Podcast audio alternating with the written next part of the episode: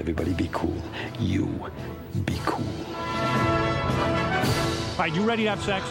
Use a good kiss. We come in peace. We come in peace. You are the motherfucking Antichrist! We're gonna let you go, okay? Ok. Film er best på radio. Nova Noir.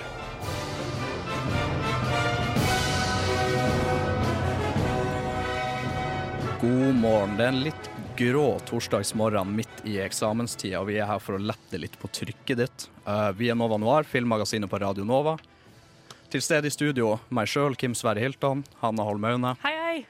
Julie Oskar Andersen. Jeg er veldig fornøyd med at det er overskyet Du er og det? grått. Ja. Ja. Pollenet kan bare dra til helvete for min del. Da blir det ikke så veldig klamt i studio heller, i min erfaring. Nei, la oss håpe. Det er veldig greit. Eh, på teknikk på The Ones and Twos har vi Ragnhild Bjørlykke. Du lytter til Radio Nova. Så vi starter litt lett, da. Uh, snakk om litt hva vi har sett siden sist. Han har du lyst til å gå først? Ja, jeg har uh, satt meg ned på NRK og sett en serie som heter Farlig kjærlighet. En- Farlig kjærlighet. Ja, det hørtes veldig klisjé ut når jeg så det. Ja, ellers så tenker jeg litt sånn true crime med en gang. Litt Ja, sånn. Uh, nei, det handler om en jente fra fransk Canada som heter Fanny Contour. Jeg kan ikke fransk, men eh, Eller Couture, jeg vet ikke hvordan man sier det. Men hun, het, hun heter Fanny, da. Hun er 16 år gammel. Uh, og hun blir som 16-åring involvert i et eh, ganske farlig miljø med uh, halliker, rusavhengige, og blir presset inn i prostitusjon.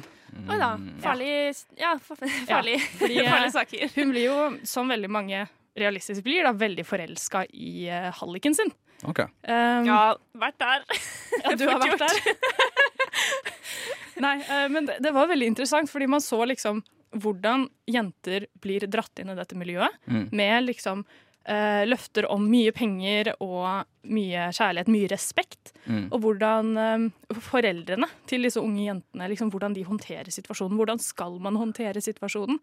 Og man eh, kan jo liksom lett sitte og si at å ja, men det der var jo ikke lurt av mor og far. Men sånn, hva gjør du egentlig i en situasjon når din 16 år gamle datter plutselig dukker opp med en kjæreste som er 28 år gammel? Oi. Ja. Ja. Fort, hva gjort, gjør som man du, fort gjort, som du sier. ja, Det Veldig sånn fort gjort. okay. Men er det, er det en dramaserie? Det, det er en dramaserie, og eh, jeg trodde når jeg starta å se den at dette her var sånn, ah, det er sånn tenåringsserie, men eh, jeg opplevde den ikke som det. Den starta som at jeg så på en Fanny som bare the embodiment av, av liksom en 16 år gammel jente. Det var sånn, Hun er så 16 at jeg får vondt. Mm. Men serien var veldig interessant, så jeg anbefaler den. At alle setter seg ned og ser den. Hva het den igjen? Farlig kjærlighet. Farlig kjærlighet. Ja. den ligger på nrk.no, eller på ja, nrktv.no. Vi anbefaler farlig kjærlighet, Ja. altså. Julie, har du sett noe gøy? Eh, apropos kjærlighet, ja. Eh, jeg ser for tiden veldig mye på Terrace House på Netflix. Okay. Terrace House er en eh, realityserie. En japansk realityserie produsert i samarbeid med Netflix nå. Og alt det det handler om, pitchen, da, er eh, seks fremmede, tre jenter og tre gutter, flytter inn i et kollektiv, et hus, som er veldig Det er veldig moderne og veldig stilig hus. eh, som kalles for The Terrace House. Og så bor de der til de ikke vil bo der lenger. Oh. Kanskje noen blir forelsket i, på vei, kanskje ikke. Men eh, man, alle deltakerne har forskjellige mål da, og ambisjoner når de flytter inn. Og så møter de hverandre, og så er det veldig sånn formelt og kleint, og så blir de bedre kjent, og så lærer du mer om disse ekte menneskene som tiden går, da, og ser hvordan de blir bedre venner. Ser litt eh, yrende kjærlighet, eh, spekulerer litt hvem blir kanskje sammen og ikke. Men dette er reality? Det er reality. Sånn, oi. Jeg tenker Big Brother. Ja, ja, ja, men det er ingen dumme konkurranser og ingen utstemming og ingen Det er jo litt, litt drama, men det er, veldig, det er veldig realistisk drama, da. Og de bare snakker med hverandre så fint og åpent og veldig sånn litt direkte. Uh, og bare sånn Ja, hva er dine følelser angående det? Nei, du, jeg tenker at uh, sånn og sånn. Bare måten de formulerer seg på, er veldig gøy, da. Så kanskje sånn Big Brother minus idiotfaktor. Veldig. Ja. Men sånn, Um, Japan er jo veldig kjent for å være en, et land hvor menn og kvinner har problemer med å snakke med hverandre. Ja. Blir det Eller reflekteres det i serien? Eh, ikke i det hele tatt. Nei. Og det er litt gøy at alle bor sammen. Eh, så jentene deler rom, og guttene deler rom. Eh, og man, man går og lager middag og snakker om hva de skal kjøpe på butikken. Og iblant drar et par på dates, og så prater man om det etterpå med sånn, på rommet sitt med de andre jentene. Og det, er, det er bare Det går ganske sakte, fordi det er ikke noe script og det er ikke noe planlegging eller noen challenges. eller noe sånt. De jobber, og de gjør husarbeid, og de prater sammen. Hva var det du sa serien het? Terrace House. Terrace uh, og så er det et panel som ser på dette med programledere, og så kommenterer de hva som skjer. Akkurat jeg pleier å hoppe over den delen, for jeg syns det er mest spennende å bare se på de som bor i huset. Men uh, det, er, det er bare veldig oppløftende og deilig å se uh, både én, et kollektiv som fungerer, og alle liksom gjør sin del, og er eh, eh, bare innstilt på å bli bedre kjent med disse menneskene man nå plutselig bor med. Eh, Og hvis noen bestemmer for å dra hjem, så er det 100% deres avgjørelse, og det varierer av hvorfor noen velger å dra, men da kommer det inn en ny person. Kanskje litt reality-serie for folk som egentlig ikke ser så veldig mye på Eh, veldig, veldig. Okay. og hvis man er litt våryr og har tro på kjærligheten, så vil jeg veldig anbefale Terrace House. Så Passer veldig eh, bra. veldig realistisk eh, framstilling av kjærlighet, da. Uh, meg sjøl har faktisk sett på et matprogram på Netflix. Uh, ja. Det kalles for Street Food. Jeg har også sett litt på det. Jeg sa til deg at du, du, du aller mest sannsynlig ikke hadde sett Hæ? Du, ja, det sa du. Den er Nå ganske er jeg promotert. fornærma. altså. Den er jo Den var kjempebra. Ja. Uh, konseptet er jo at de tar for seg én by per episode og ser liksom da den matkulturen, den gatematkulturen. Ja, for alt eh, sånn som jeg har fått inntrykk av, så er alle episodene basert i Sørøst-Asia. Foreløpig. Ja, ja foreløpig i hvert fall. Sånn, ja, ja. jeg så den første episoden, for da snakker de om eh, en dame som er mest populær i Bangkok, som har en lang uh, rekke kunder, og så står det til og med foran sjappa hennes at det er ikke garantert at du får mat. Nei, fordi den er så populær. Ja, hun er Wow. Hva er det hun selger, da? Oi, uh, det er eh, Jeg vet ikke helt. Jeg skjønte Nei. ikke helt hva det var. Hun hadde vel litt av hvert, egentlig. Det som de Ja. lager jo Ja. Lager. alt mellom Det er hun himmel og føler jord. for den dagen. Men hvorfor begynte du å se på den serien, Kim? Egentlig bare fordi jeg liker matprogram, og så mangler jeg ting å se på. Som sagt, Det er liksom promotert av Netflix, du får det liksom på forsida nå, da. Så Ja. jeg tenkte bare jeg slenger på en episode bare for å ha noe å se på. Uh, og det var veldig sånn lettbeint underholdning. Men på en måte hjertet i serien er jo da, uh, foruten matlaginga, på en måte historien til de folkene som står på gata og lager den maten. Så det er veldig spennende. Ja. Blir du ikke sulten når du ser på? Jeg blir litt sånn sulten når vi snakker om det. Jeg, ser, jeg ser på det mens jeg spiser. Jeg Ja, er det er rutinert. lurt. Det er litt litt som den der greia i Asia som heter mokbang, at du liksom ser på en annen person spise mens du spiser middag. Uh, jeg tror vi gir oss for, uh, for hva vi har sett siden sist, og så spiller vi en liten sang.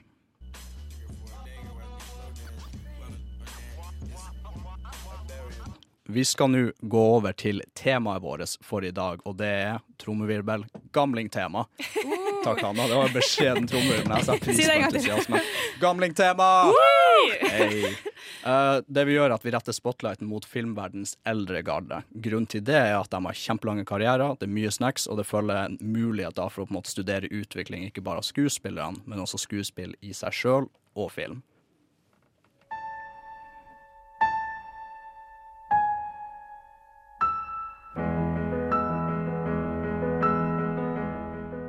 Do you enjoy film? Not very much, no. Why not? It's, I don't know. It's. I think you have to be a screen actress. I really don't think I am. I think you have to have a completely different outlook.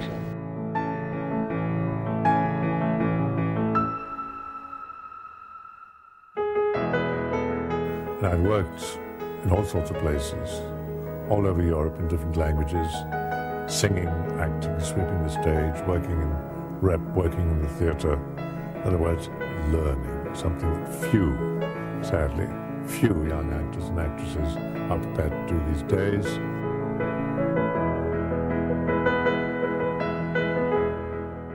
I just think that everybody has everything in them, and that usually uh, directors and casting people see so little of what.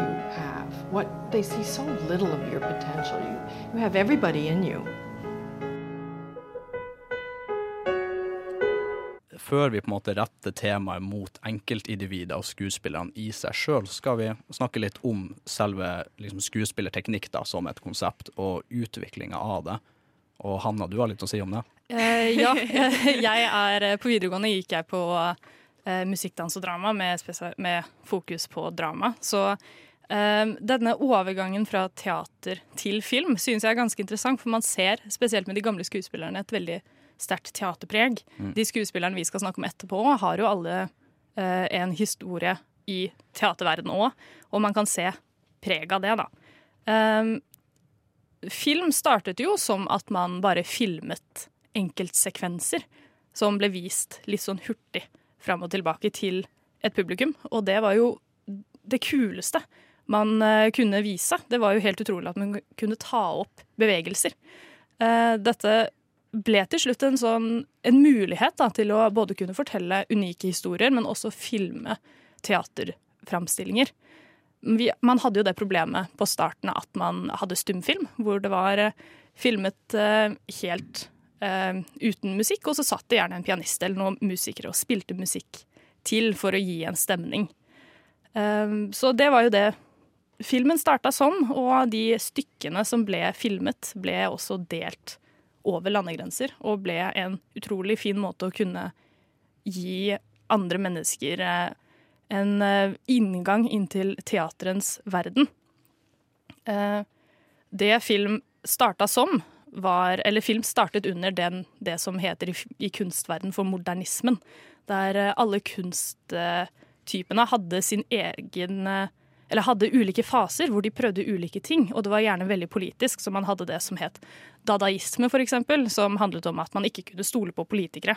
Så derfor kledde skuespillere seg opp som politikere, så sto de på scenen og sa bare da, da, da, da, da, da, som om de var bedre. Det er, det er ganske skarp samfunnskritikk. Ja, Teater har jo hatt en ganske lang historie om nettopp det. da, Samfunnskritikk. Ja. Og snakke mot uh, makten i samfunnet. Ja, og også måten de blir veldig stoppet på å snakke om verden også er veldig spennende, så jeg anbefaler å lese litt. Kan man da på en måte det. si at film på en måte er en demokratisering av teater? Nå, ja, kan vel kan eh, på en måte det, da. Ja. Eh, men den store utviklingen kom jo med um, fremvekst av lyd i film. Og det er her eh, veldig mange flere skuespillere tok til scenen, for man hadde de store klassikerne som fikk til stumskuespiller veldig fint. Sånn som eksempel Charlie Chaplin. Han var jo en av de store i sin tid, fordi han var, eh, han var stumfilmskuespiller. Det var det han kunne. Um, men med at man filmet først en teaterscene, og så gikk over til å bygge egne studioer for filmer, så fikk man et par trekk fra teatret som er veldig interessant å se i gamle filmer. Som eksempel at de oppfører seg som om en 360, et 360-rom de bruker som et sett, er som en teaterscene.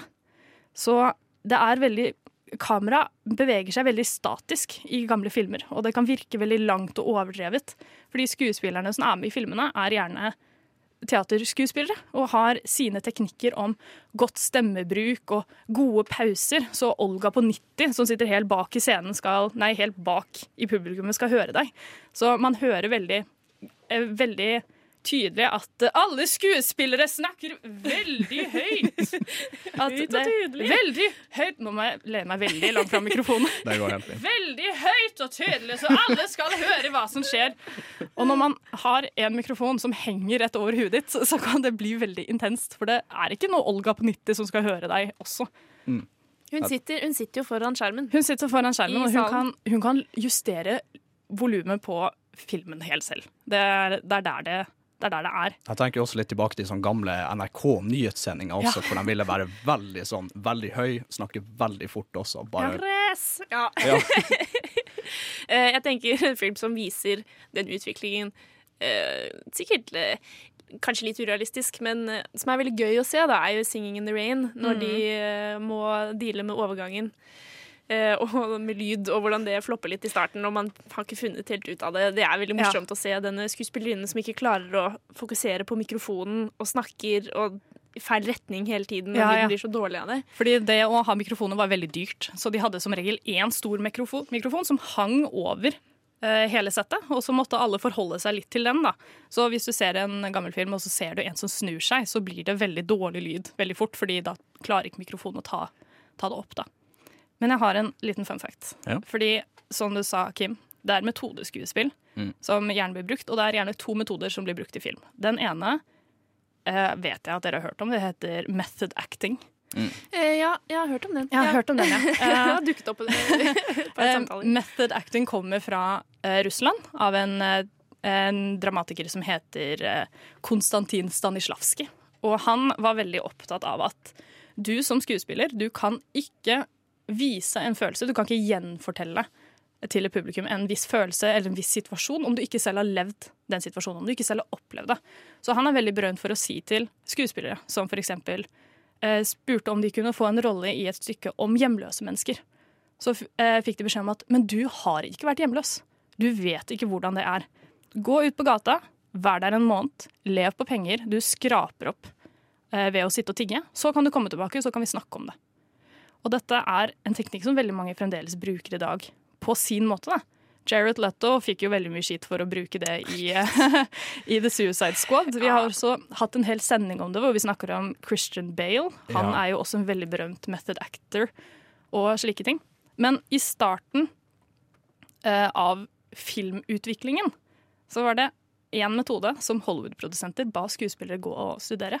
Fordi skuespillere kom gjerne til Hollywood og sa at 'jeg har studert Stanislavskij, jeg er klar for film'. Og så sa de 'nei, nei, nei, nei, dra til Norge, studer Ibsen'.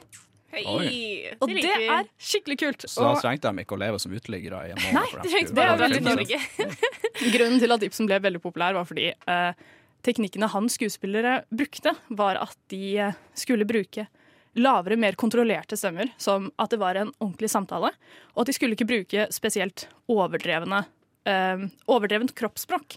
For det er også vanlig i teater at man skal bruke så overdreven kroppsspråk at alle skal forstå hva du føler. Um, men det er ikke nødvendig i Ibsen. For der er det samtalen og de små clouene som skal bære historien fram. Så det er veldig mange eldre skuespillere som har studert Ibsen og holder seg til den metoden. Og det syns jeg er veldig kult. Det er jo litt, eh, det er jo litt gøy hvordan eh, skuespillermetoden endrer seg, og hvordan publikum kommer fysisk nærmere skuespillerne når man får kamera eh, til å fortelle, eller med kameras hjelp da, til å fortelle en historie. Plutselig får du kjempedetaljerte nærbilder av ansiktet hvor du bare trenger å kanskje heve et øyebryn istedenfor ja. å rope 'hva er det som har skjedd?'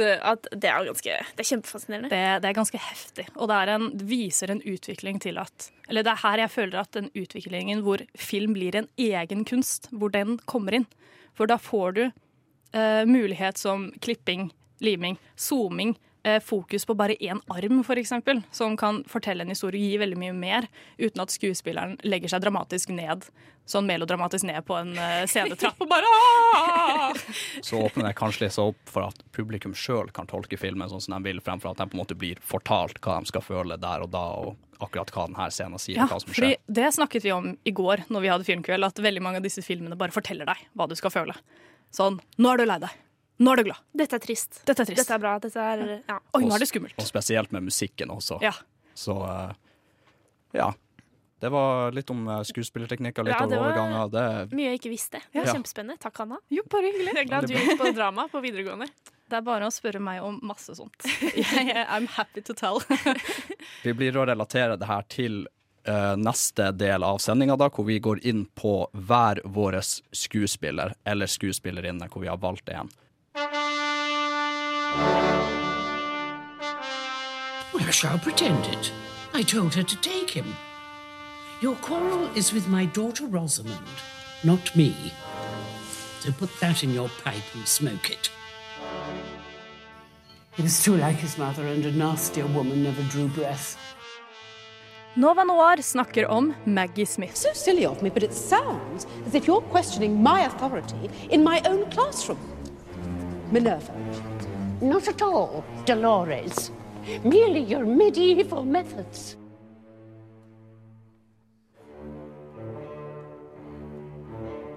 Margaret Natalie Smith, eller Maggie Smith som vi kjenner henne, har en lang karriere bak seg og ser ikke ut til å gi seg til tross en alder på 84 år. Hun startet sin karriere på 50-tallet i teatret, men det tok ikke lang tid før hun fant filmlerretet og TV-skjermen. Hun har vunnet to Oscarer, tre Golden Globes, fem BAFTA-priser og en Tony, og er blitt utnevnt til Dame av dronning Elisabeth på 90-tallet. Hennes filmografi er lang og har roller fra Shakespeare-stykker og Ibsen. til en rolle i Sister Act, og ikke minst lånt stemmen sin til en film kalt Sherlock Gnomes. Hun har gjort det meste. De kanskje mest ikoniske rollene for alle under 40 er nok likevel hennes portrettering av professor McSnurp i Harry Potter-filmene, Well,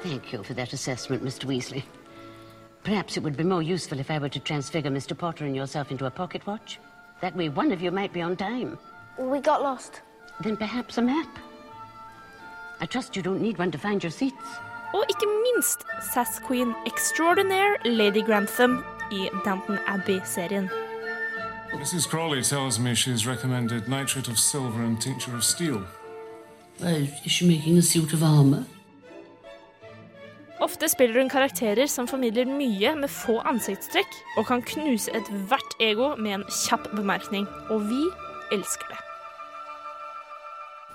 The House of Godric Gryffindor has commanded the respect of the wizard world for nearly ten centuries.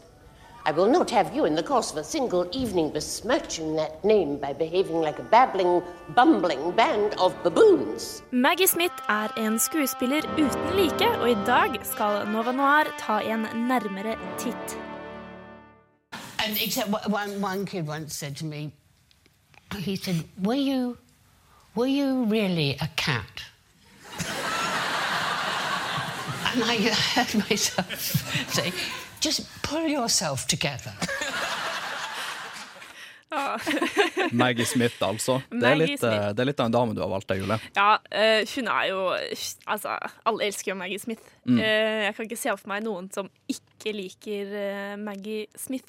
Eh, og det siste klippet der er et utdrag fra intervjuet hennes i Å nei, hva heter Og nå jerntepper jeg helt på hva han eh, Eh, det er han James eh, Gordon? Nei. Gordon, Uh, Gordon Oi, oi, oi. Er det amerikaner vi snakker om, Nei, eller er det det var det sånn oransje uh, Ja, studio. Graham Norton. Graham Norton. Der var det, der var ja, det. Graham Norton. Uh, og den lille gutten spurte om hun virkelig var en katt. Uh, og jeg føler at bare det lydklippet der oppsummerer Maggie Smith så utrolig bra.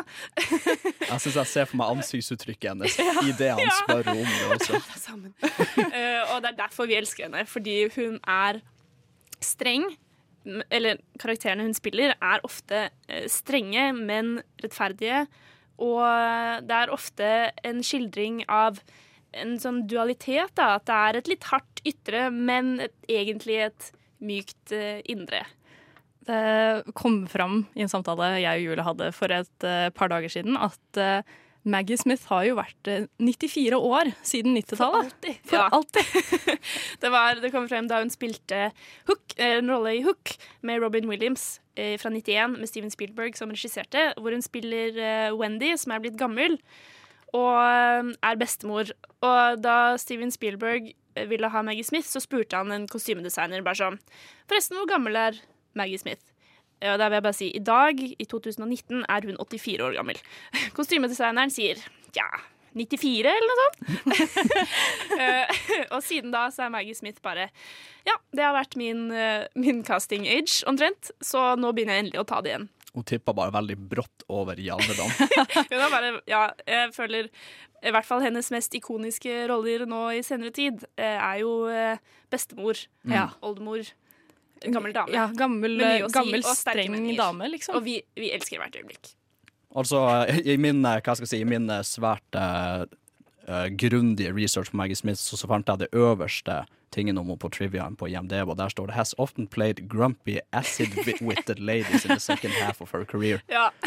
Ja. Og hun gjør det jævlig bra. Vi skal snakke mer om Maggie Smith. Vi skal dykke litt mer inn på et spesifikt sett med filmer som vi alle tre har sett. Radio Nova. Eh, Du har fortsatt Kim, Julie og Hanna i studio, og vi snakker fortsatt om gamle folk i Hollywood. Mer, spesi mer spesifikt så skal vi snakke videre om Maggie Smith, som du fikk høre en liten introduksjon på nettopp. Og Men- Julie. Ja, riktig. Maggie eh, Smith, Dame Extraordinaire, eh, ble jo adlet av dronning Elisabeth eh, for hennes innsats for kunsten. Eh, og for en innsats! Hun har vært skuespiller så å si hele livet. Fikk sin første teaterrolle da hun var 17, og eh, tok ikke lang tid før eh, hun fant prosjekter på både TV og i filmverdenen. Og mye av hennes tidligere karriere er jo også hennes teaterstykker sendt på TV, med tanke på det vi snakket om litt tidligere, med hvordan film og teater henger godt sammen. Ja, Hun er også en av de skuespillerne der man ser veldig tydelig preg av teatralske teknikker. Hun har fremdeles et preg av stemmebruken. Og det så vi jo spesielt også i uh, The Prime of Miss Jean Brody fra Riktig. 1969. Riktig. Eh, Den er jo, det var jo en film, det, folkens. Eh, Maggie Smith spiller en lærerinne på en jenteskole som har dedikert hennes eh, beste alder, altså hennes prime, til å være lærer, i motsetning til å da f.eks. gifte seg. Eh, Men hvordan hun bruker denne tiden og dedikasjonen er litt finurlig, for hun, eh, hun tar det på veldig alvor. Men øh, plutselig snakker hun om øh, Mussolini og hvor flott han er, og fascisme er fint, og oppfordrer elevene til å dra for å slåss for fascismen. Det, er, det var litt øh, Hun var ikke helt den heltinnen vi trodde det, kanskje. Så Hun var var, ganske spennende. hun var veldig opptatt av Italia. På flere punkter så sa hun sånn ja, la oss drite i historie, vi kan snakke mer om Italia. Er ikke det gøy? Det var liksom forstyrrende del, egentlig, fordi de begynner på en måte filmen veldig med å vise henne som en veldig sånn karismatisk lærer. Ikke sant? Hun har en veldig Riktig, sterk ja. Du vil at tiltrekningskraft ja. på elevene deg. sine. Du vil imponere henne, og hvor lett eh, hun påvirker disse unge jentene. Da. Og så er det én eh, jente i klassen hennes ved navn Sandy som eh, sakte, men sikkert blir litt mer eh, desillusjonert. er? Desillusjon. Desillusjonert med um, læreren sin, og finner ut at hun er kanskje ikke så fantastisk som man skulle tro. Ja, for Jean Eh, Brody velger seg ut hver gang hun har en ny klasse, så velger hun seg liksom ut sine jenter som hun dedikerer mest fokus til. da. Å spise lunsj med i friminuttene Ja, og ja. Tar det dem med på helgeturer, og hun er veldig opptatt av liksom et par jenter. Det var jo veldig Oi, hva skulle du si? Kim? Jeg skulle bare si Filmen den, eh, den tar jo sted over flere år, da. Ja. og det er jo da vi på en måte får se den innflytelsen hun har på de jentene som hun tar inn over seg. Eh, fra de er barn til de blir unge voksne. Ja. Ung i ordets Ja. eh, Ja, sakte, men sikkert uh, voksne. Um, og vi vil jo gjerne se en film med Maggie Smith fra en liten tid tilbake, for det meste uh, vår generasjon har å gå på, er jo Harry Potter og Downton Abbey. Og spesielt Downton Abbey gjorde henne til et uh, husholdig navn. I mye større grad enn hun har vært før, som hun ikke liker. Jeg fikk inntrykk av av de intervjuene jeg så. Eh, hun er ikke nødvendigvis så fan av å bli kjent igjen, og um, all den uh, berømmelsen som følger med, da. Det var litt virkelig når den berømmelsen kommer i en ganske, ganske sein alder, da, når du på en måte Ja, har gått sånn siden de første, ja, første 50-60 årene av livet ditt på planeten, så blir du ikke nødvendigvis kjent igjen alle sammen, og så plutselig, Plutselig. da skal alle sammen komme opp Hun og ligner jo også veldig på seg selv. Så når vi så eh, filmen hennes i går, som da når hun spilte The Prime of Miss, eh, Jean Miss Jean Brody, så var hun 34-35 år, og det er bare sånn, det er ikke noe tvil. Bare sånn, Det er Maggie Smith.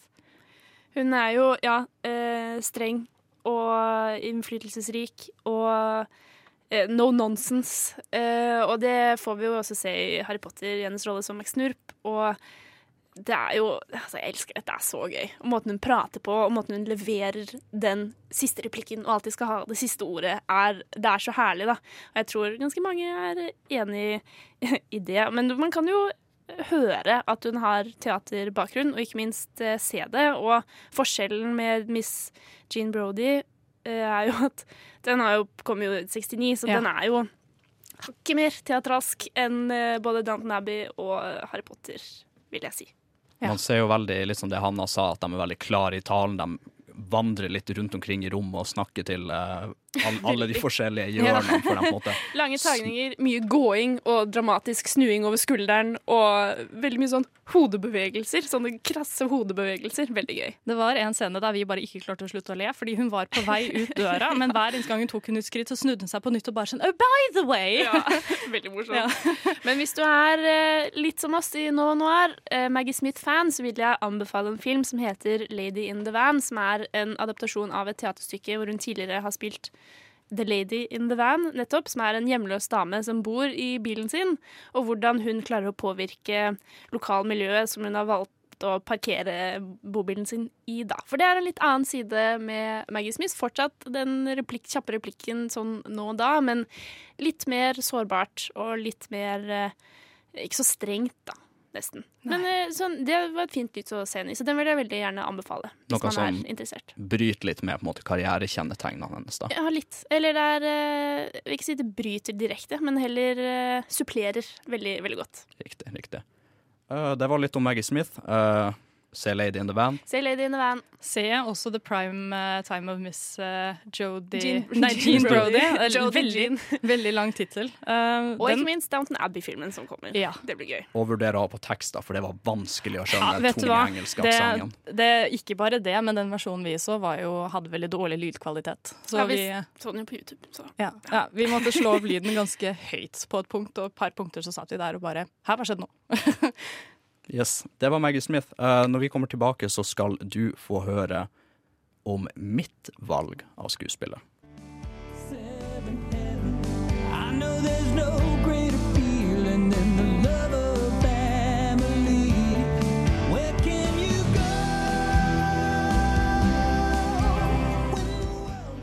Nå Nova Noir, din syvende himmel.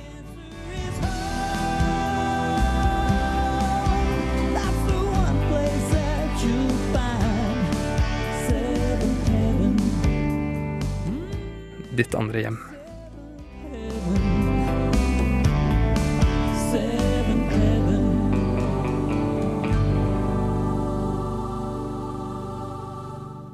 Da skal vi gå over på Kim sin skuespiller. Du har da valgt deg eh, Christopher Lee. Det er riktig. Flyer than a man of steel, motherfucker, how you feel? It's logic. Interfered with our affairs for the last time. I woke up early on my born day. I'm 20, it's a blessing. The essence Nova Noir snakker om Christopher Lee.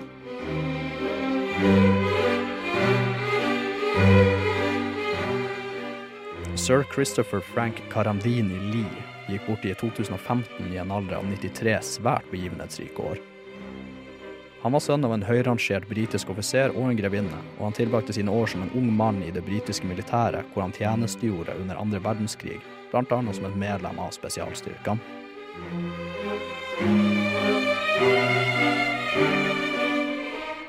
Da hans militære karriere gikk mot slutten, valgte han å søke et liv som skuespiller til sin mors store protester fremfor å jobbe et kontor. Han fikk roller i filmer av den mer klassiske typen, som Hamlet og Moulin Rouge, og senere landet han en jobb som Frankensteins monster hos Hammerfilm Productions.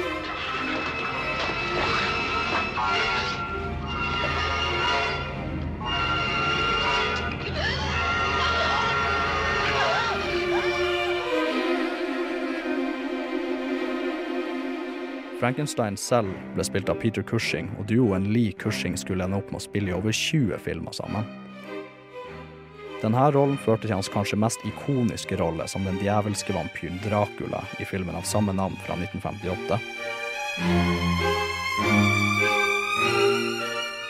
Hans nærmest autoritære fysiske fremtreden som en 1,96 cm høy aristokratisk figur med mørk stemme og tykke øyenbryn bidro til et særegent talent for å spille onde karakterer.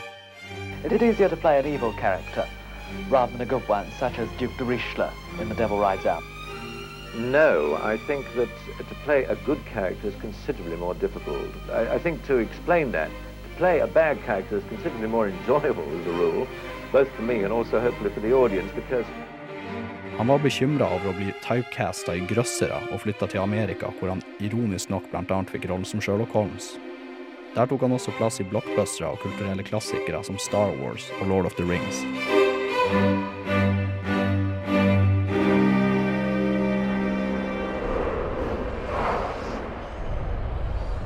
A new power is rising. Its victory is at hand.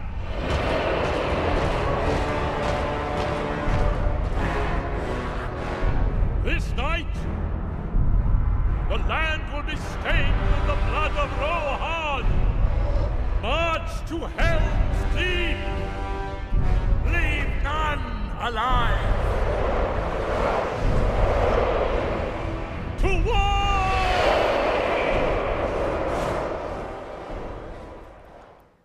Jo valgt deg en veldig spennende Altså, fyr, Kim. frysninger. Herregud. Jeg fikk chill sjøl. ja. Det, er en, eh, det er en mann med en tilstedeværelse og en halv, for å si det sånn. Da. Hvis Christopher Lee ville bli verdens diktator, hadde ikke hatt noe problem med det. Jeg hadde ikke hatt noe problem med det. Hadde gjort som han sa. Litt det jeg tenkte på òg. Sånn, han flytta til Hollywood for å ikke bli casta som bad guys, men uh, han har jo de største rollene sine i bad guys. De mest ikoniske. Ja. Jeg snakka litt til deg om det også, fordi det er jo litt den figuren han har. Ikke sant? En høy mann, veldig mørk og kraftig stemme. Talentfull skuespiller som kunne helt sikkert spilt en familiefar i en sitcom, Nei, jeg vil nok ikke caste han Nei, det. var det, da. Nei, men veldig elegant, da, vil Det- jeg også si. Det er sant. Han Kanskje er- bare fordi han er britisk. Men jeg mener eh, Det hjelper, det, da. Han er kjent for å være veldig, veldig intellektuell, veldig belest, eh, og ha en veldig kraftig karisma, faktisk. Uh, igjen ja, kanskje litt sånn autoritær, sånn aristokratisk karisma, Ja. men en veldig sånn en, en swagger, en swagger man. Jeg tenker jo at det er litt gøy at både Christopher Lee og Maggie Smith har gjort sine eh, vil jeg si mest ikoniske roller. Eh, Ja, jeg vil kanskje påstå det. I fantasy-franchise-serier. Det Ja, det er ganske sant. gøy. Mm. I eh, Ringenes herre og i Harry Potter. Det er det morsomt å tenke på. Ja, altså det, som sagt, det var jo der han fikk blockbuster-rollene sine, da. Eh, og spesielt Lord of the Rings er litt spesiell, for da spilte han jo Saruman, som eh, i begynnelsen er en good guy, men ender opp med å på en måte bli spoiler, spoiler. Ja. Nå ja. Nå får vi roe oss. Nå, ja. OK, greit. Spoiler alert. ja, er men sånn, eh, han blir litt slem, da. Uh, men det interessante er at um, Altså, Christopher Lee ble jo født på 30-tallet, en eller annen gang, jeg husker ikke årstallet presist, men han var faktisk den eneste cast-memberen i Lord of the Rings som faktisk personlig hadde møtt J.R.R. Tolkien, Oi. som skrev Lord of the Rings-bøkene. Det er jo veldig kult, fordi uh, mitt eh, min, liksom, Når jeg skjønte at Christopher Lee var en skuespiller som jeg egentlig så ganske ofte, så ble jeg veldig overrasket, fordi sånn så som du sa, Kim, han har jo en sånn tilstedeværelse som kan være litt, litt sånn ekkel. Fordi min første sånn, Ja, litt sånn li, han, Han er, ser inn i sjela di. ja, sånn, han er veldig intens, liksom, med bare blikket sitt. Og min første, det, det første jeg kommer på da, er jo hans karakter i Charlie og sjokoladefabrikken. Mm. Um, som en uh, veldig intens far til Willy Wonka. Um, som kjenner igjen sønnen sin fordi han ser på tennene hans, av eh, alle ting. Men jeg husker, fin scene. ja, Kim mener at det er en veldig fin scene. Veldig fin reunion-scene. Jeg tenker at det er det mest ukomfortable jeg noensinne har sett. Det er så ekkelt. Ja, det er, det er litt oppbytting, men eh, Nesten litt, så vi er kommet til sjarmerende, høy, mørk stemme og litt marerittvekkende, egentlig. Vi skal dykke litt mer inn i Christopher Lee og karrieren hans etter litt grann musikk. Radio Nova er best. Alle andre er tapere. Radio Nova. Du er fortsatt på Nova Noir på Radio Nova, filmmagasinet. Jeg er fortsatt Kim, jeg sitter fortsatt med han, jeg sitter fortsatt med Julie. Og vi snakker om Christopher Lee i gamlingssendinga vår. Jeg føler det er litt slemt å kalle det gamling, gamlingssending, men de er jo gamle, da. Det er jo Altså, det er er. Undertittel 'Old but Gold'. Ja, okay. egentlig. En Ja. hyllest til eh, Hashtag. filmverdens eldre garde. Eh, OK, da, da kan jeg gå inn, så inn for det. Ja. Så Christopher Lee, da, eh, som jeg nevnte, døde i en alder av 93 år gammel. Vanvittig lang rolle. Kreditert som Jeg tror den skuespilleren i verden med flest filmer på samvittigheten. Over 200 filmer. Det er mye, ass. Gratulerer, Liv. En veldig lang karriere. Han var eh, busy. Ja, for vi scrolla ned IMDb-siden hans, og Ja. der eh, var det to filmer nesten hvert år. Det bare, hvert årstall var representert av et eller annet han hadde vært med på. Jeg tror vi satt og bare sånn kontinuerlig scrolla en gode seks-syv sekunder Ja. bare for å komme ned til triviaen på IMDb. Uh, han starta jo da karrieren sin med å slite litt, egentlig. Uh, I begynnelsen så, uh, som jeg nevnte i, i em, innslaget forrige gang, så hadde han en karriere i Forsvaret. Etter det så fant han ut at OK, jeg skal bli skuespiller. Uh, han kom fra en ett uh, med skuespillere og operasangere. Mora var litt imot det, men han sa jeg gjør det. Og de første ti årene av karrieren hans så sleit han med å få jobb.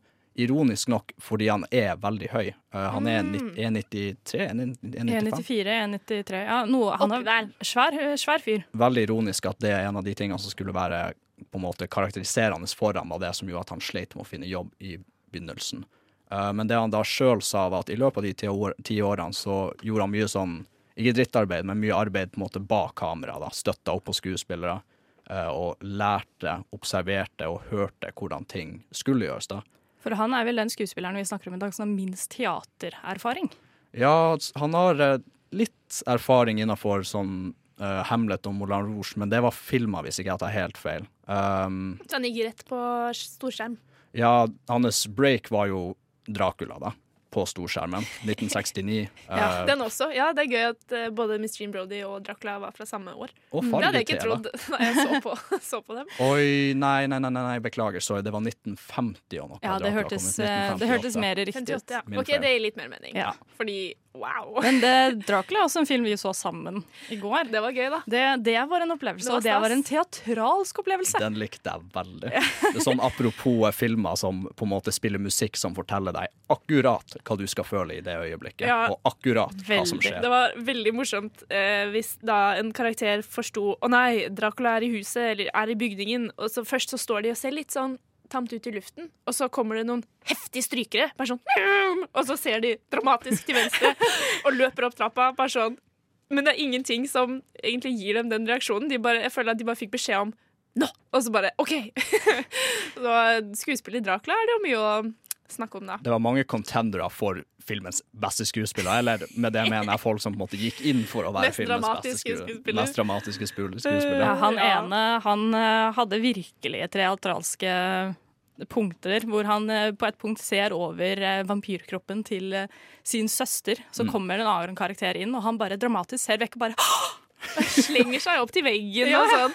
Han er veldig mye. på. Nesten, Eh, nesten han, som en parodi på teater, ja, egentlig. han spilte nesten mer med kroppen enn med ansiktet. Ja, det, det var var- ganske fascinerende Det var veldig fascinerende. De, dette er en film som har ganske få, men veldig lite komplekse karakterer. De, de bare eksisterer. Christopher Lee sjøl fikk jo ikke så veldig mye å spille på i, rom av, i form av dialog. Men gjorde et veldig godt inntrykk da, Kim. Det er riktig. Absolutt. Han, mange mener jo at han på en måte redefinerte den tolkninga av Dracula. For Dracula, Uh, etter min forståelse, var litt sett på som et, et beist. Liksom, et blodtørstig beist. Litt sånn, sånn, sånn savage, liksom. Ikke akkurat en intellektuell eller noe. Og det første man ser, er at de penner opp til trappa der Dracula står, når Harker, han som eh, skal være bibliotekar for Dracula, Jeg kom inn i huset. Og det man da ser, er en høy mann, uh, velpleid, uh, og som er veldig velartikulert også. I dress og kappe. Kappe, ja. Det var, det var ikke et faresignal. Sånn, er, det, er, det, er du vampyr, må gå med kappe. Det er ganske stor tell med en gang. Men, eh, men bortsett fra det, da. Veldig sofistikert og artikulert gentleman i starten, i hvert fall. I starten, han begynner i hvert å fall. Spise folk. Men eh, hvis du, hvis du som lytter skal sette deg ned og se denne Dracula-filmen så Jeg tror håper du gjør det, virkelig. Det var gøy. Veldig, ha en filmkveld, se den med et par venner, for den er, den er gull. Men jeg tror du vil merke en ganske stor forskjell i Christopher Lee, og det er eh, stemmen hans. Den var veldig, veldig veldig annerledes. Også kjent for sin mørke, dype stemme, som vi har hørt. Eh, men i Dracula ugjenkjennelig i min bok, egentlig. Hørtes ut som en vanlig mann, egentlig. Vanlig engelskmann. Ja, vanlig type. Ja, Ikke lyse. legenden Christopher Lee. Og eh, det var jo som du poengterte, at stemmen på en måte den kan jo endre seg med alder. Men som med Maggie Smith, for eksempel, som eh, Ja, du vi snakka om. jo, hun hørtes jo helt lik ut. Man hører henne fra lang vei unna at nå kommer Maggie Smith. Det er ingen andre. Ja, Karakteristikkene hans fulgte han jo på en måte gjennom karrieren. Han prøvde jo å breake litt ut fra den horrorsjangeren og den bad guy typecastingen hans, men endte jo opp med å spille Gjør det jævlig bra, da. Han gjør det veldig bra. Eh, det gjør det veldig bra.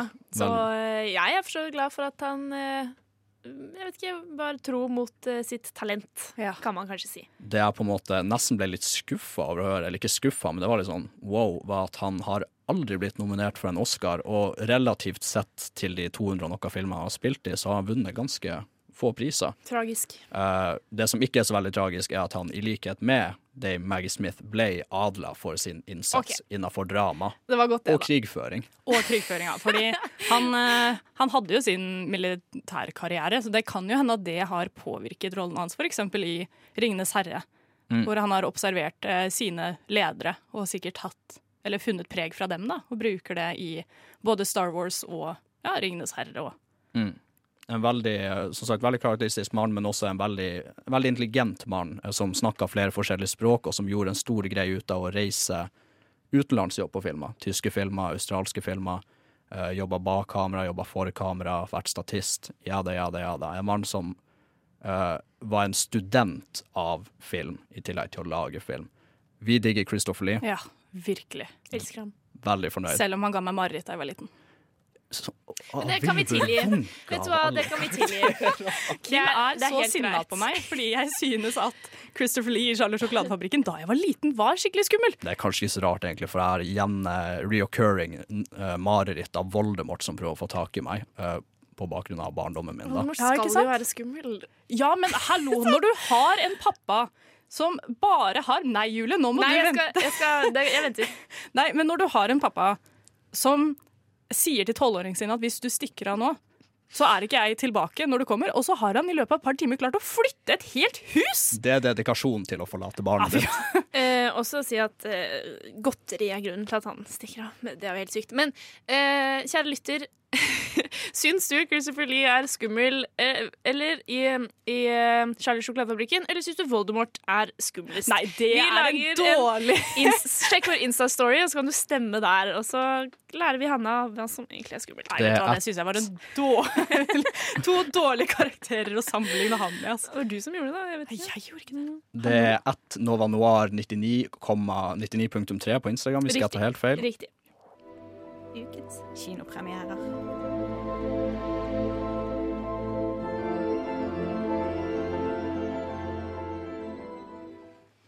Riktig. Liv, du er på besøk hos oss i studio nå, og du har vært og sett på film. Hvilken Det film har du sett på? jeg. Jeg har sett eh, live action eh, av eh, Aladdin. spennende. Eller Aladdin. Jeg vet ikke hvordan man sier det. Ja. Jeg tror Aladdin kanskje Ja, er det vi går på. Aladdin. Jeg Ja. sier Si det som du vil, du. Det er Ja, så farlig. det blir litt forskjellig, men Hva, hva handler den om for dem som ikke vet, selv om de burde Ja, vite? for de som ikke vet, så handler det om gaterotta og tjuvradden Aladdin og apen Abu, som lever da i et sånt fattig strøk og lever av å stjele. Eh, Men en dag så sniker prinsessen Jasmin seg ut av palasset og møter på Aladdin på det store markedet, og han blir jo da stormforelsket.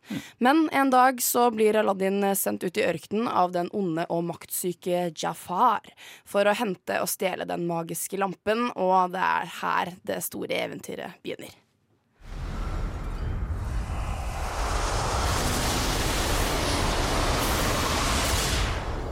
O great one who summons me, I stand by my oath, loyalty to wishes three.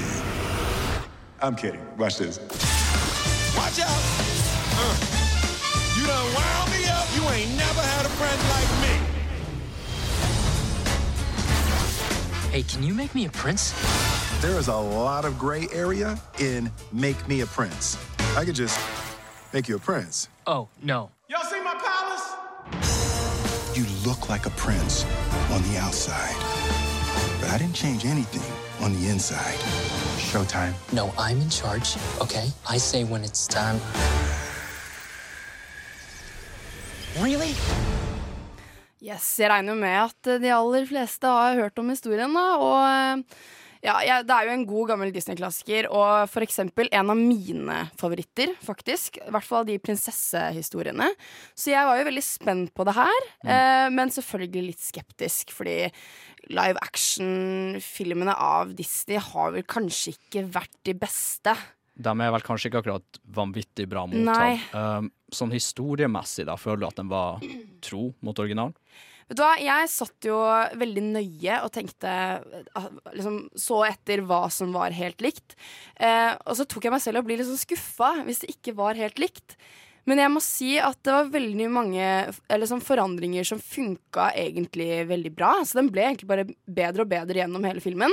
Og så er det en liten sånn plot twist på slutten som jeg digga, som, jeg, som ikke finnes i originalen. Mm. Som, eh, som jeg syns eh, regissøren av Guy Ritchie har tenkt veldig godt på. det. Hvordan syns du eh, filmen er preget av å ha blitt laget i 2019?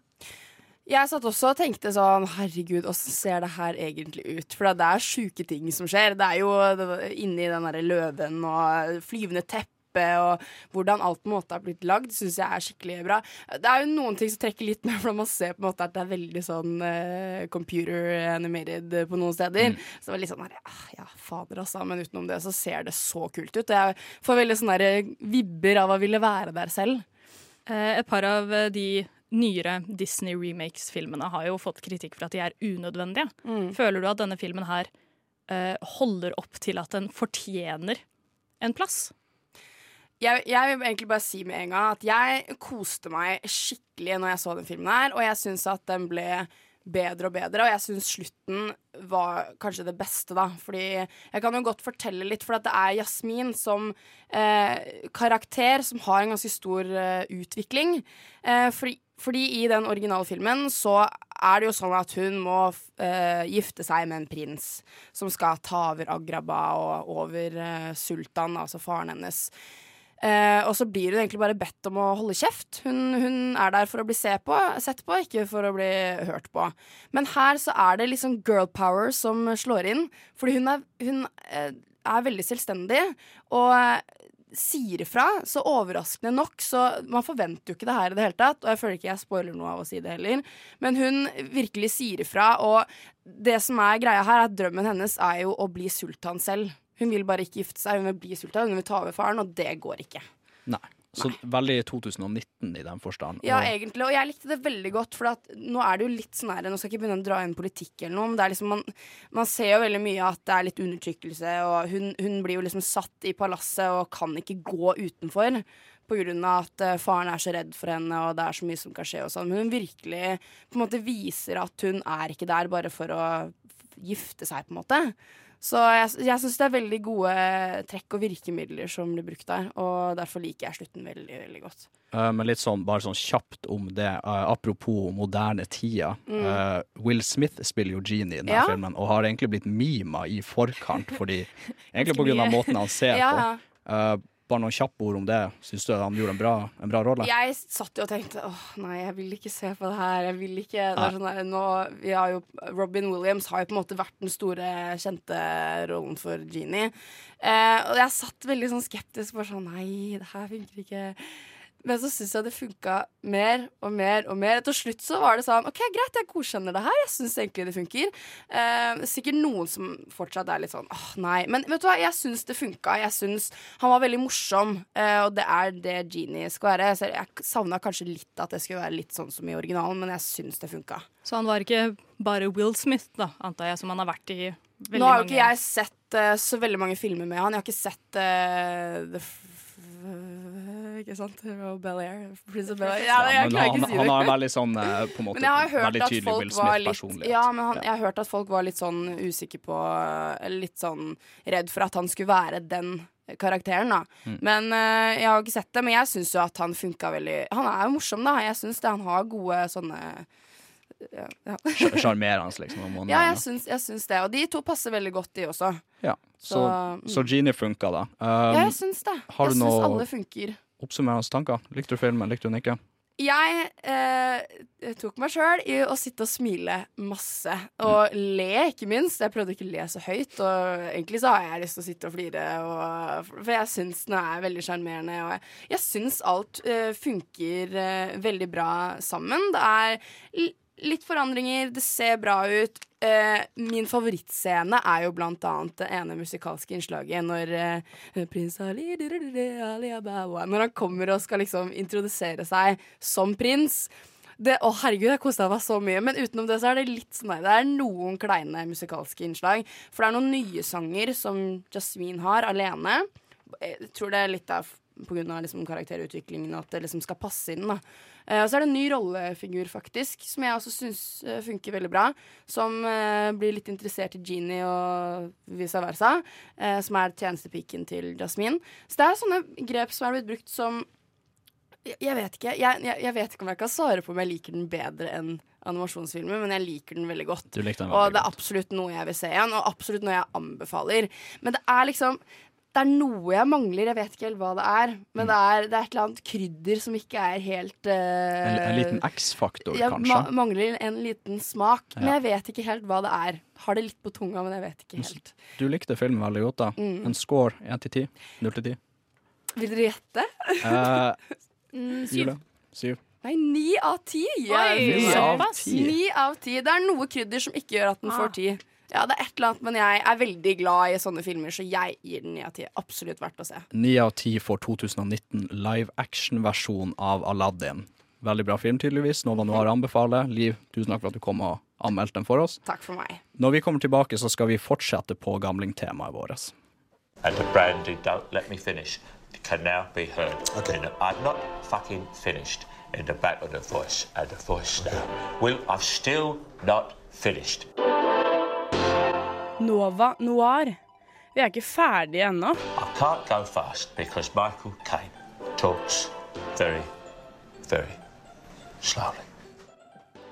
Og vi fortsetter gamlingtemaet her i eh, Nova Noir, og neste er altså Hannas valg, nemlig Meryl Streep. Nova Noir presenterer Meryl Streep. Meryl Streep er en amerikansk skuespiller født i New Jersey i 1949. Hun har i løpet av sine 69 år spilt i en rekke prisvinnende filmer og har selv vunnet åtte Golden Globes, tre Academy Awards og tre Oscarer. What is it that you really like to do? Eat. I like to do. I know. I know. Okay, I see. You think this has nothing to do with you. However, that blue represents millions of dollars and countless jobs. And it's sort of comical how you think that you've made a choice that exempts you from the fashion industry when in fact you're wearing a sweater that was selected for you.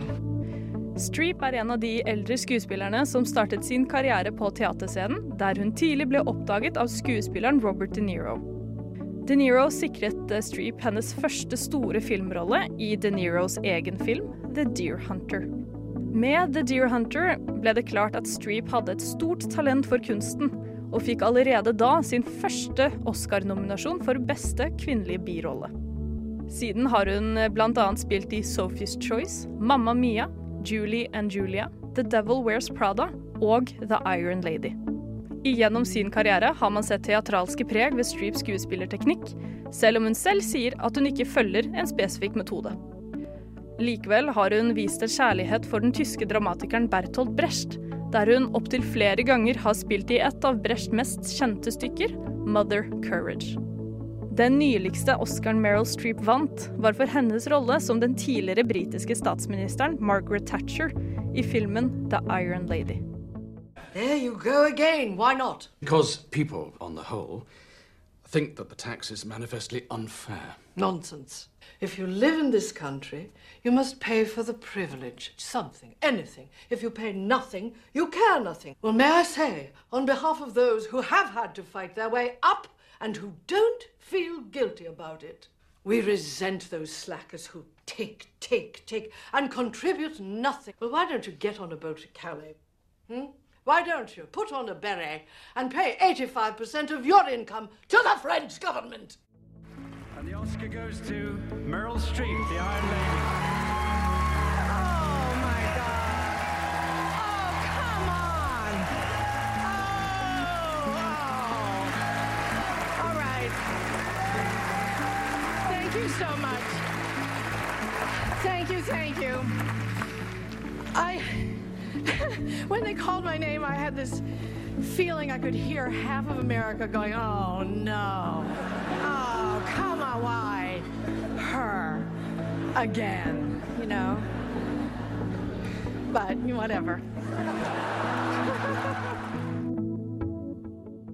Jeg tror i likhet med Maggie Smith og Christopher Lee, så er det også en eh, skuespillerinne som veldig mange har et veldig nært forhold til. Hun har jo vært i absolutt alt! Det er jo Ja, som hun sier i takktalen sin. Å nei, ikke henne igjen, omtrent. Nei, hun, eh, hun er stor. Hun har vært med i mye. Og hun eh, er jo den eneste amerikaneren vi har med på lista vår Sant, i dag. Ja, de to andre er britiske. Eh, sånn som de to andre, så starta hun på teatret. Eh, Eller som Maggie Smith, da. Ja, som, Ja. beklager. Mm. Som Maggie Smith så startet hun også på teatret, og hadde da en uh, veldig stor kjærlighet for tysk uh, dramat uh, dramaturgi, som Eller spesielt av den tyske dramatikeren Bertolt Brecht, eh, som hun har spilt eh, i opptil flere ganger. Og når hun vender tilbake til teater, så er det gjerne han da, som hun, nei, som hun blir med på. Um, så hun, hun er så rå. Det er en dame som har gjort masse. Det er jo en dame som eh, er blitt beskrevet som verdens, eller tidenes største skuespillerinne. Ja. Uh, jeg vet ikke om jeg legger veldig mye, veldig mye trykk her nå. Eh, men ja, det er, den damen dame som har vært med i klassikere. Jeg tror ikke det er urimelig å si det. Nei, det syns ikke jeg heller. Virkelig ikke. Uh, jeg så en dokumentar som het eh, Theater of War for et par år siden, hvor de snakket om hvordan de produserer da en ny versjon av Mother Courage som skulle bli spilt uh, i Hellas. Og der uh, får hun spørsmålet hva er din jobb som skuespiller? Og det hun sier da er at I am the voice of dead people, I am the voice of the dead songs. Så for henne så er det videreføring av kultur og videreføring av eldre eh, En eldgammel kultur da, som hun setter veldig stor pris på. Det, ble også nevnt eh, tidligere i sendingen i et klipp hvor hun sa at du har alle i deg som skuespiller. Eh, I hvert fall Meryl Streep. Og vi så jo um, Skal jeg snakke litt mer om det etterpå, men uh, vi så da Sophie's Choice for å forberede litt til uh, dagens sending. Og der var det jo mye mye, mye å ta av. Veldig mye å ta av. Og det, det skal vi gjøre også når vi dykker dypere inn i karrieren hennes og et utvalg av filmer som hun har spilt i. Radio Nova. Du hører fortsatt på Nova Noir, filmmagasinet på Radio Nova. Kim Sverre Hilton, Hanne Holmaune, Juni Julie Juni. Ju- Juni. Oi, jeg hadde Juni to jenter som het Juni. Hansen i- live fra Chateau Neuf. Julie Oskar Andersen, min feil. Uh, vi snakker om gamle folk. Vi eh, har et, eh, et innblikk i filmverdens eldre garde. Vi har snakka om Maggie Smith, Christopher Lee. Nå snakker vi om Meryl Streep.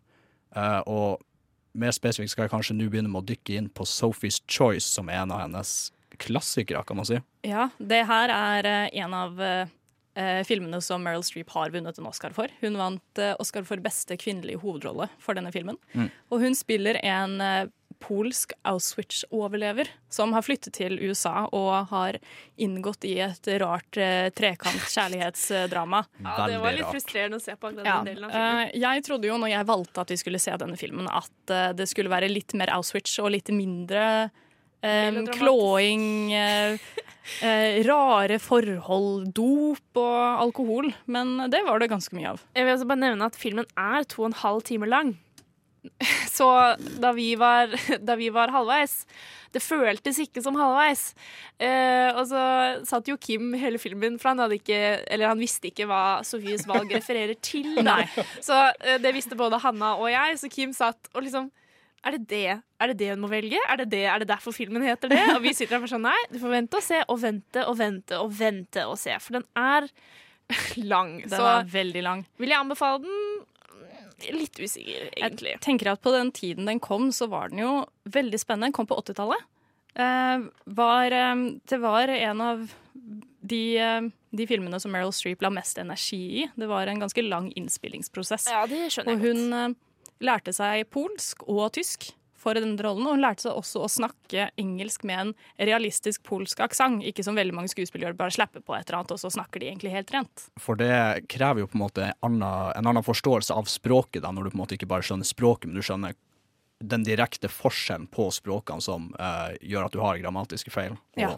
uh. Ordlegger det helt annerledes og plasserer tungen på andre steder i munnen. Og det, er, ja, det var veldig mye god kritikk for uh, språket i den Ja. rollen. De beste scenene i denne filmen er jo de scenene som fokuserer på hennes tid i Auschwitz. Det er, det er desidert det beste. Det som er synd, er at det kommer halvveis ut i filmen. Så Mm. begynner man da å høre om det. Jeg trodde jeg hadde litt andre forventninger. Jeg visste jo, jeg visste i motsetning til Kim hva det handlet om. Eh, eller jeg trodde jeg visste, da. For filmen handler jo like mye om hennes liv etterpå og hennes eh, romantiske forhold og eh, alt det som følger med der, så vel som tiden i Auschwitz og hennes eh, dramatiske valg som hun tok. Men jeg trodde det skulle ha litt mer fokus. Ja. Eh, men filmen fokuserer jo på det veldig mye, men i en annen form enn det jeg trodde. da. Den fokuserer heller mer på hvordan det traumatiske har forplantet seg i hennes person og karakter videre, annet enn valget i seg selv. Man viser jo hvor preget hun er, da. Fordi hun eh, Det blir fort åpenbart hvor ødelagt hun er av tiden sin i Auschwitz. Og det kommer fram, fram at hun er deprimert i glimt.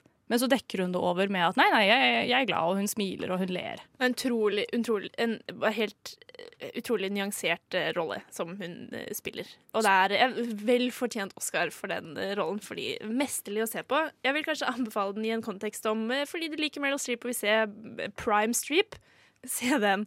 Kanskje mer det enn at du går for å se en spennende film i seg selv. Jeg vil bare fokusere litt på de to mennene som liksom skal stå imellom og velge. Fordi uh, Streep sin karakter på den tiden i USA, så er hun eh, nærmer seg Hun er 35 et sted, tenker jeg. 35-36. Så har hun fått en kjæreste som er omtrent like gammel. Og eh, så er det en 22-åring da, som også flytter inn i huset eh, i etasjen under. Og de får et sånt Det er veldig komisk å se på, fordi han 22-åringen er så intenst third wheel. Men han bare legger ikke merke til det.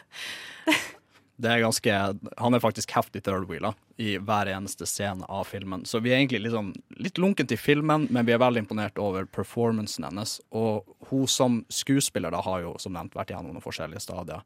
Uh, og jeg la merke til én spesifikk ting. Jeg vil ikke være den fyren som bringer Mamma Mia opp, men musikaler er noe hun har vært i som ingen av dem vi har nevnt tidligere. har Ja, vært det er med sant. Det er veldig Eh, og hun, eh, i hvert fall i Mamma Mia, så Fjeset til Hanna nå er ikke liker ikke. Men i eh, Mamma Mia, eh, det er en litt fjollete film, men hennes prestasjon i den filmen er jo også bare helt fantastisk. Og hun insisterte på å synge live og bruke opptaket og ikke synge inn Eller øh, og ikke bruke det hun hadde sunget inn på forhånd, for å virkelig formidle den følelsen som var nødvendig, da. Og det føler jeg bare er klassisk strip. Hun spiller jo veldig spesielt, og jeg føler at hun er en av de sku eller den skuespilleren på, av disse tre da, som har mest eh, Har et stø en større variasjon av karakterer. Større spekter. Ja, et veldig mye større spekter av hva hun uh, får til. Hun har i eksempel Devil Wears Prada så toucher hun litt på ulike karakterer som Maggie Smith har vært innom.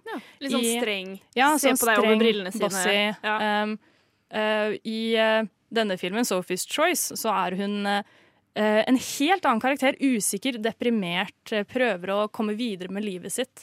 Så ja, hun er, hun er veldig nyansert Mm. og veldig imponerende. Man føler at man, jeg føler at jeg får en ny, eh, en ny skuespiller til enhver film. Så veldig nyansert, veldig, ja, veldig bredt, veldig bredt spekter på uh, den dama og filmen hennes. Uh, det var morsomt at du skal nevne Devil Wears Prada, for det er en film som vi skal røre litt inn på om litt. Radio Nova er eh, best. Alle andre er tapere. Radio Nova. Vi fortsetter med tråden på uh, Meryl Streep. Meryl Ja. Streep-tråden. Og eh, Devil Wears eh, Prada. For vi fant nemlig ut at eh, Tone Hafsås, eh, programlederen for Baklengs inn i Lånekassa, ikke har sett Devil Wears Prada. Så da er det tid for Ja, det er egentlig helt enig. Det minner meg egentlig om Goodfellas. Å ja, den har jeg ikke sett, faktisk. Å, du har ikke sett Goodfellas? Som Gudfaren, da? Nei, nei jeg tror ikke det. Du har ikke sett Gud... øh, hva med Fight Club, da? Mm, nei. Å, å gud Vi har en jobb å gjøre. Pile of shame. Pile of shame. Pile of shame. Vi skal altså ta litt eh, nærmere titt på om burde man egentlig skamme seg for ikke å ha sett eh, Devil Wears Prada. Men først så skal vi høre Tones tanker om filmen før hun hadde sett den. Så eh, Tone Hafsås, programleder i Baklengs inn i Lånekassa. Du har altså ikke sett Devil Wears Prada. Nei, det kan hende, hvis jeg tenker meg veldig veldig godt om, så kan det hende at jeg har sett fem minutter av den for 15 år siden. Ja, for dette er jo eh, Meryl Streep og Anne Hathaway, blant annet. Ja. Eh, vet du no hva vet du om filmen fra før? Eh, jeg tror at Meryl Streep er en streng sjef eller noe, og at Anne Hathaway har lyst til å jobbe der eller noe. Det er det jeg kan huske at jeg har f- fått med meg. Men det, det er vel eh, nok Altså, jeg regner med at Meryl Streep uh, er the devil som bruker uh, Prada shoes. Ja, at det er henne tittelen refererer til. Ja. Uh, det skal jeg ikke si noe om, men eh, jeg lurer på Har du Har folk blitt overrasket? Har det kommet opp at du ikke har sett den, og hvordan har folk reagert da?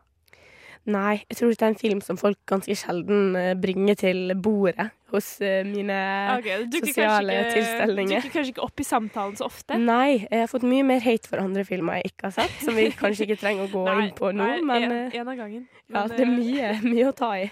Ta Men da gleder jeg meg til å høre til hva du synes etter du har sett eh, filmen, da. Ja, er det noe jeg burde vite før jeg går inn i dette eventyret? Eh, nei, jeg vil ikke forme din eh, Skape noen forventninger eller noe i det hele tatt. Du skal være Ok, fordomsfri. Greit. Så Tone, nå har du altså sett Devil Wears Prada. Det har jeg gjort. Den så jeg i Det har jeg gjort. Den så jeg i går. Ja, og hva, hva syns du, da? Nei Likte du, likte du filmen? Eh, alltid, alt så likte jeg filmen, men jeg vil si at den var litt problematisk til tider. Men Ja. først og fremst så vil jeg si at det er veldig koselig å være tilbake her. Fordi du kaller jo meg programleder i Baklengs inn Lånekassa, det stemmer jo det. Men først og fremst er jeg tidligere Noir-medlem. Det er sant. det er sant. Det var derfor vi ble litt eh, sjokkert over at du ikke hadde sett Devil Wears Det burde vel ikke Prada. sjokkere dere at jeg ikke har sett eh, en jeg- klassiker av en film lenger. Jeg slutter aldri å bli sjokkert. Men ja, kalle, Den kom jo i 2006, men vil du kalle Devil Wears Prada en klassiker? Ja, altså, det er en film jeg har hørt om så mange ganger. At Derfor så tenker jeg på den som en sånn Det er en film som alle har hørt om, da. Om man ikke har sett den, sånn som meg. Jeg føler at den blir ofte referert til i det popkulturelle bildet litt sånn her og der. Men hva, mm. ja, hva syns du? Nei, det tok jo ca. to minutter før jeg skjønte at å, det her skal bli en sånn makeover-film. Nå har du ei sånn der eh, small town girl som kommer, og så skal hun bli sånn der eh, motemagasin-Berthe. Og jeg ble jo ikke skuffa. Det ble jo verre enn jeg trodde. eh, med den eh, makeoveren, og at hun liksom blir et så mye bedre menneske når hun får på seg finere klær. For første gang får hun respekt. Det alt hun trengte for å bli anerkjent Men- i livet sitt, var en Prada-bag og en Jimmy Choos. Ja, nei, hva det heter Manola Blahnik. Uh, så det var det. Men føler du ikke at filmen mot slutten der at det tar en litt annen vending, da? Jo, på slutten så får du en veldig sånn derre Åh, nå skal vi ha god moral her. Stay true to yourself. Uh, integriteten, finne tilbake til den. Men ingen retter noensinne opp i inntrykket at det her er en film der det er 14 syltynne jenter som snakker om hvor feite de er, hvordan man eh, går på diett og hvordan man skal slanke seg, og gir folk oppskrifter på en spiseforstyrrelse. Uh, og det blir faktisk aldri retta opp i. Filmen slutter jo med at hun er fornøyd med å ha gått ned to størrelser i klær. Ja, Hva det Jeg er jo enig i at det er litt, eh, litt dumt, men er ikke det også en litt kritikk på sånn moteverdenen og motebildet og alle de forventningene de representerer? Jo, eh, det starta jo som at de gjorde narr av alle de tynne damene. At eh, det var liksom at hun var At hun dreit i det. Men når det da ender Når det ender med at hun har blitt sånn, og de ikke går tilbake for ja. det Ja. Nei, det De må kan jeg tilbake skjønne på at det. du synes. Liksom en moral i historien som kanskje ikke helt ble holdt, eller? Den ble kanskje litt borte i, Ja. i de fine skoene. bra. Og. Ja, nei, men det var veldig bra moral med det der med at uh, hun sto på sitt, at hun innså at hun hadde gjort noe feil, hun hadde mista seg sjøl, og selvfølgelig litt sånn der klisjéfylt sånn der Who am I? Uh, men hvis vi går til uh, ikke hovedrollen, det er kanskje Anne Hathaway, men Meryl Streep sin karakter. Eh, The Queen of Sass. Jeg bare søkte Jeg søkte Meryl Streep Daryl Wears Prada på YouTube, og det første som kom opp, var bare en compilation av all sassinessen hennes. Eh, ja. That's all. Altså ja. Ikonisk. Ikonisk. Hvordan, eh, siden andre roller du har eh, Eller hva, hva slags andre roller er det du har sett Streep i? Sånn føler du at hun ble en helt annen karakter i denne filmen, eller føler du at hun minner om andre karakterer hun tidligere har spilt? Jeg synes at For meg så er hun en helt annen karakter i den filmen her. Fordi at jeg føler at hun er ofte litt mer sånn jovial type. Eh, men her er hun jo helt jævlig. Men hun er allikevel så kul. Og jeg må, eh, jeg må like henne litt, samtidig som Ja, man kunne kanskje vært litt raus iblant. Hun er jo en problematisk eh, karakter. Da vil jeg gratulere deg, Tone. Nå trenger du ikke å skamme deg lenger. Fordi du ikke har sett hey. Devil Wears Prada. Å, det som jeg har gått og tenkt på hver dag. Godt å ikke bekymret deg for eksamen, men bekymret deg for at noen skulle kolde deg ut på at de ikke hadde sett Devil Wears Prada. Ja, Den tiden er eh, heldigvis over. Tusen takk for at du kom innom til Vante trakter. Takk Alltid hyggelig eh, å prate med deg på radio. Her er et lite, apropos, et lite klipp av eh, Miranda Priestley fra Devil Wears Prada. I don't understand why it's so difficult to confirm an appointment. No, I'm so sorry, Miranda. I actually did The confirm last of night. your incompetence do not interest me. Tell Simone I'm not going to prove that girl that she sent me for the Brazilian layout. I asked for clean, athletic, smiling. She sent me dirty, tired, and paunchy. And RSVP, yes, the Michael Kors party. I want the driver to drop me off at 9.30 and pick me up at 9.45 sharp.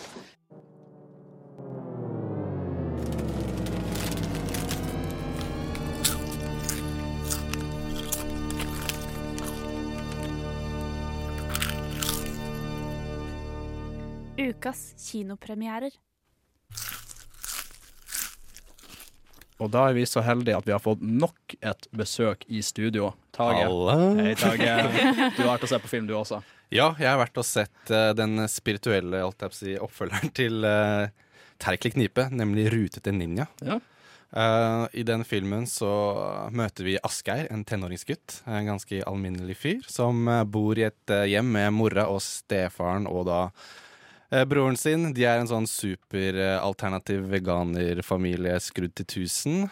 Uh, Forelska Jessica blir mobba av en fyr som heter Glenn, men så en dag i bursdagen sin så får han en uh, ninjabamse uh, i uh, bursdagsgave av onkel Stuart. For dette her er jo en slags Dette tar et sted i samme verden som Terkel i Knipet. Asgeir er jo bare Asgeir. Fuck deg! Ja. Vær død! Åh, fuck livet mitt. Wow, hva er dette for noe? Nei, for faen, det er jo sånn der rutete ninja. Walla, stikk av deg. Tapeskylling, altså. Stikk hjem til mora di og dø! Ditt jævla høl av en horesønn! Hva? Men, hva, hva, hva er du for noe? Ah, det var da voldsomt, da. Hvis du kaller meg for sjakkbrett, så stabber jeg deg. Det tilhører Philip Eberfrø. Det er fyren jeg leter etter. Jeg hjelper deg, og du hjelper meg. Jeg vet hvor du går. Yikes. Du, eh, du nevnte onkel Stuart. da, Det er jo en karakter vi kjenner igjen fra Terkelig knipe, og du kalte det en spirituell oppfølger. Ja, fordi det er jo ikke en oppfølger i at den eh, bygger videre på hva som skjedde i Terkel knipe, men det her foregår i samme verden fordi Terkel, som vi har, for de som har sett den filmen, eh, han er jo en fetter av Asgeir, som er hovedkarakteren i denne filmen. Og onkel Stuart er jo også onkelen til Asgeir, så har en slags sånn familieconnection der. Men utenom det så har de ikke noe til felles. Ja. Eh, men som vi hørte, så når han får denne rute til ninja, så viser det seg at det er eh, en levende bamse, som er mildt sagt veldig rappkjefta. Men han er ute på et slags hevnoppdrag. Eh, så de inngår en avtale hvor eh, Asgeir skal hjelpe denne ninjaen. hvis ninjaen hjelper han. Så ninjaen, filmen baserer seg på at ninjaen hjelper ham med hans hverdagsproblemer, mens Asgeir skal da lover å hjelpe det ninjaen prøver på. På eh, samme måte som i Terkelig knipe, så er det jo én skuespiller på alle karakterene. Hvordan uh, syns du det fungerte? Jo, fordi uh, det som er veldig gøy med Terkelknippet, er at det er Aksel Hennie som har alle stemmene. Mens i denne filmen så er det godeste Herman Flesvig, eh, moromannen, som har stemmen til Jeg tror det er 113 uh, ulike karakterer. Eneste han ikke har stemt til, er Wow. Jessica. Så det er eh, en, eh, stor oppgave han har. uh, har, har Følte du at det funka? At han fulgte i fotsporene? Ja, altså det, det som var morsomst for meg, var jo karakterene og eh, stemmebruken og stemmeskuespillet. Vi har så utrolig mange forskjellige typer karakterer. Masse dialekter og eh, sånn erketyper som eh, jeg følte han Herman klarte så sykt bra å ta veldig sånn på kornet. Og eh, det er så noe av det morsomste er jo denne rutete ninjaen som har en sånn Østfold-Halden eller Fredrikstad-dialekt. Så- og det er veldig gøy. Man ler jo veldig mye av de one-linerne til Rytete Ninjaen. Jeg vil si at det er en slags sånn Deadpool møter uh, Misty Miyagi fra Karate Kid med Fredrikstad-dialekt. Det var veldig rar bla blanding. Eh, Herman Flesvig, for dem som ikke vet, er jo jeg tror han på en måte, han har fått litt breakthrough sitt nå, men han har jo en, eh, en Instagram-side som er veldig populær, hvor han liksom lager sine egne karakterer. da. Så han er jo litt kjent for å etterligninger og forskjellige typer karakterer. Så man skulle tro at det var riktig mann for rollen. da. Vil du si den er like upassende som Terkelig knipe? jeg, for jeg følte at jeg måtte se Terkel knipe på nytt igjen eh, før jeg skulle anmelde den filmen. her, For det er jo naturlig å sammenligne de litt, eller se på hvordan de står til hverandre. Og det som slo meg, var at um, Terkel knipe um, de, Det er mye banning i den, men jeg føler at den hviler mer på at det er drøye ting som skjer, og det er veld, veldig mye sånn eksempel at uh, mora til Terkel de må røyker og puster han i ansiktet, og at faren hele tida sier nei, nei, nei. Når, ja. når Terkel er sånn 'Jeg blir mobba, jeg sliter, og jeg har det ikke bra', mens faren bare sier nei. Jeg føler at uh, denne filmen er mer satt i virkeligheten, hvordan ting faktisk er. Men så er det mer drøyt uh, det folk sier, at folk banner mer og sier drøye ting. og Mens på, det er mer vold og slikt i Terkel knipe, og den, den er, føler jeg enda drøyere. Mens uh, Rutete ninja prøver kanskje mer å være en komedie basert på humor og ting, morsomme ting som blir sagt. Det var noen, eh, jeg lurer på om det var Bjørn i redaksjonen som eh, poengterte at han lurer på hvor mange foreldre som dro i DVD-hylla på Narvesen og leide Terkelig knipe i den troa om at det var en barnefilm. Og det er jo det på sett og vis, men det er jo veldig svart humor eh, Ja. gjennomgående. Og det er noe som ble brakt videre til den her. Ja. Uh, mye svart humor. eh, mye sånne upassende ting som blir sagt. Men eh, jeg føler at her har de prøvd kanskje å lage en litt mer sånn eh, typisk eh, historie. Mm. For det, det jeg kanskje ikke likte så godt med denne i forhold til eh, kanskje andre filmer, er at det, den er veldig sånn uh, Handlingen er veldig klisjéfylt. Du kan, hvis du bare ser på hva, hvordan ting beveger seg fremover, så er det veldig forutsigbart, og du mange sånne erketyper du har sett før. Du har liksom mobberen. Uh, Jessica, som er den typiske sånn han Asgeir, som er en sånn puslete fyr som ikke tør å si hva han føler, og så uh, banker han uh, liksom folk, og så blir han Å, hun har, Asgeir han er så kul allikevel, og så blir han invitert til den kule festen. Så har veldig mange sånne eh, stereotypiske ting som jeg har sett hundre ganger før i sånne tenåringsfilmer. Så akkurat sånn handlingen, og at, så, at det var veldig forutsigbart syns jeg var litt kjedelig. Men um, mange av karakterene og dialogen folk imellom uh, er veldig morsom. Så den uh, humoren er det som bringer filmen videre. Eller som hever filmen veldig, da, for, okay. for mange. Så det virker som det er sånn godt og blanda. Da har du noen andre oppsummerende tanker? En score du vil gi den? Ja, altså, jeg føler at uh, Man må snakke litt om sangene, for at det er jo det som er noe av det mest ikoniske fra Terkel Knipe, er jo de eh, sangene. Eh, folk har f.eks. Hva med deg sjæl, som folk sikkert klarer he hele teksten på den dag i dag. Mm. Vi har også mange sanger i denne filmen, men de er mer, uh, har mer handlingen Eller har mer um, De er mer for å fortelle hva som skal skje, eller hva folk føler. Og de er ikke så morsomme på samme måte. De er ikke, de er ikke der bare for sånn humortvist. De er mer for å fortelle hva som har skjedd, eller beskrive bakgrunnen til folk og sånne ting. Så jeg syns ikke det var så kult, men uh, Herman uh, leverer sykt bra på alle låtene. De var liksom bra. De var liksom catchy og sånne ting, men de var ikke like morsomme. Og så syns jeg at det som trakk kanskje mye ned for min del, var at animasjonsstilen er veldig sånn, ser veldig sånn stereotypisk Disney ut. Veldig sånn generisk. Det ser ut som sånn moderne Disney. Mens eh, jeg likte mye mer den stilen i gamle Terkel Knipe. Den har, altså, karakterene ser helt fucka ut. Og det, det gjør at du kan se på at dette her er ikke virkelighet, dette er fantasi. Og jeg følte at animasjonsstilen i eh, Rute til Ninja ikke passer helt med det som vi ser. da, at Den ikke bringer noe ekstra. Så det syns jeg var litt synd. Mm. Um, utenom det så syns jeg det var en ganske underholdende film. Uh, den er liksom Hvis humoren treffer deg, så treffer den skikkelig. Og hvis humoren treffer deg ikke, så treffer den deg ikke i det hele tatt, tror jeg. Så jeg føler at det er en sånn uh, god blanding. Uh, ikke en sånn superduper viktig film å få seg på kino, kanskje, men jeg vil absolutt anbefale folk å, folk å se den når den kommer på streaming og sånne ting. Så Mm. jeg har lyst til å gi den en seks av ti. En seks av ti. Ja, en solid uh, underholdningsfilm. Ruta til, Rute etter Ninja, en solid underholdningsfilm. Eh, når vi kommer tilbake nå, så skal vi bare kjøre en liten kjapp oppsummering av dagen vår. Du Du Du hø hører på, Radio Nova.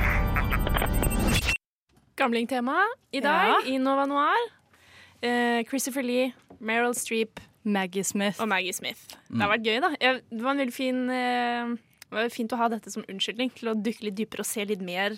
Og kanskje film jeg ikke hadde sett ellers. Det er sånne av filmer disse som er- Filmer som er gamle, som du tenker ja, det er ikke så farlig. Dårlig regissert, dårlig filming. Bare en generelt dårlig film. Men det er ikke helt opplevelsen. Er Filmer som ikke er så veldig tilgjengelige heller. Må litt gå ut av veien din for å få se dem. Sånn som dere to tok jo det på dere å uh, gå til biblioteket for å leie DVD-er, faktisk.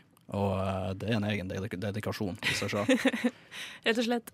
Så eh, ja. Nei, vi, eh, vi har hatt et lite, lite dypdykk nå i tre forskjellige skuespillere. Vi har prøvd å hva jeg skal si, eh, assosiere det til skuespill og utvikling av skuespill og utvikling av film over tid, da, som vi nevnte. Så har vi også hatt to anmeldelser av både Aladdin og Rute til Ninja. Ni av ti til Aladdin, seks av ti til Rutete Ninja. Mm. Med bra filmer på kino eh, om dagen. Takk til Tag og Liv, og så Tone som kom innom for Pile of Shame and Devil Wears Prada. Eh, Tøft, tøft å innrømme det på radio. Eller, Ja, eller i hvert fall foran oss. Jeg turte egentlig ikke å si det, men jeg vet ikke om det er så grusomt å ikke ha sett Nei, Bell Wears det synes jeg. Ja. Er Jo, jo. Det er kanskje, det. Ikke, kanskje ikke akkurat den. Men uh, hvem vet. Stem på vår Instagram-poll, forresten, om Ja, hvem som er det. skumlest. Det er riktig. Nova Noir kan du høre på Radio Nova hver torsdag 10-12. Vi diskuterer filmer, vi diskuterer, diskuterer serier, og dere får ha en fin helg.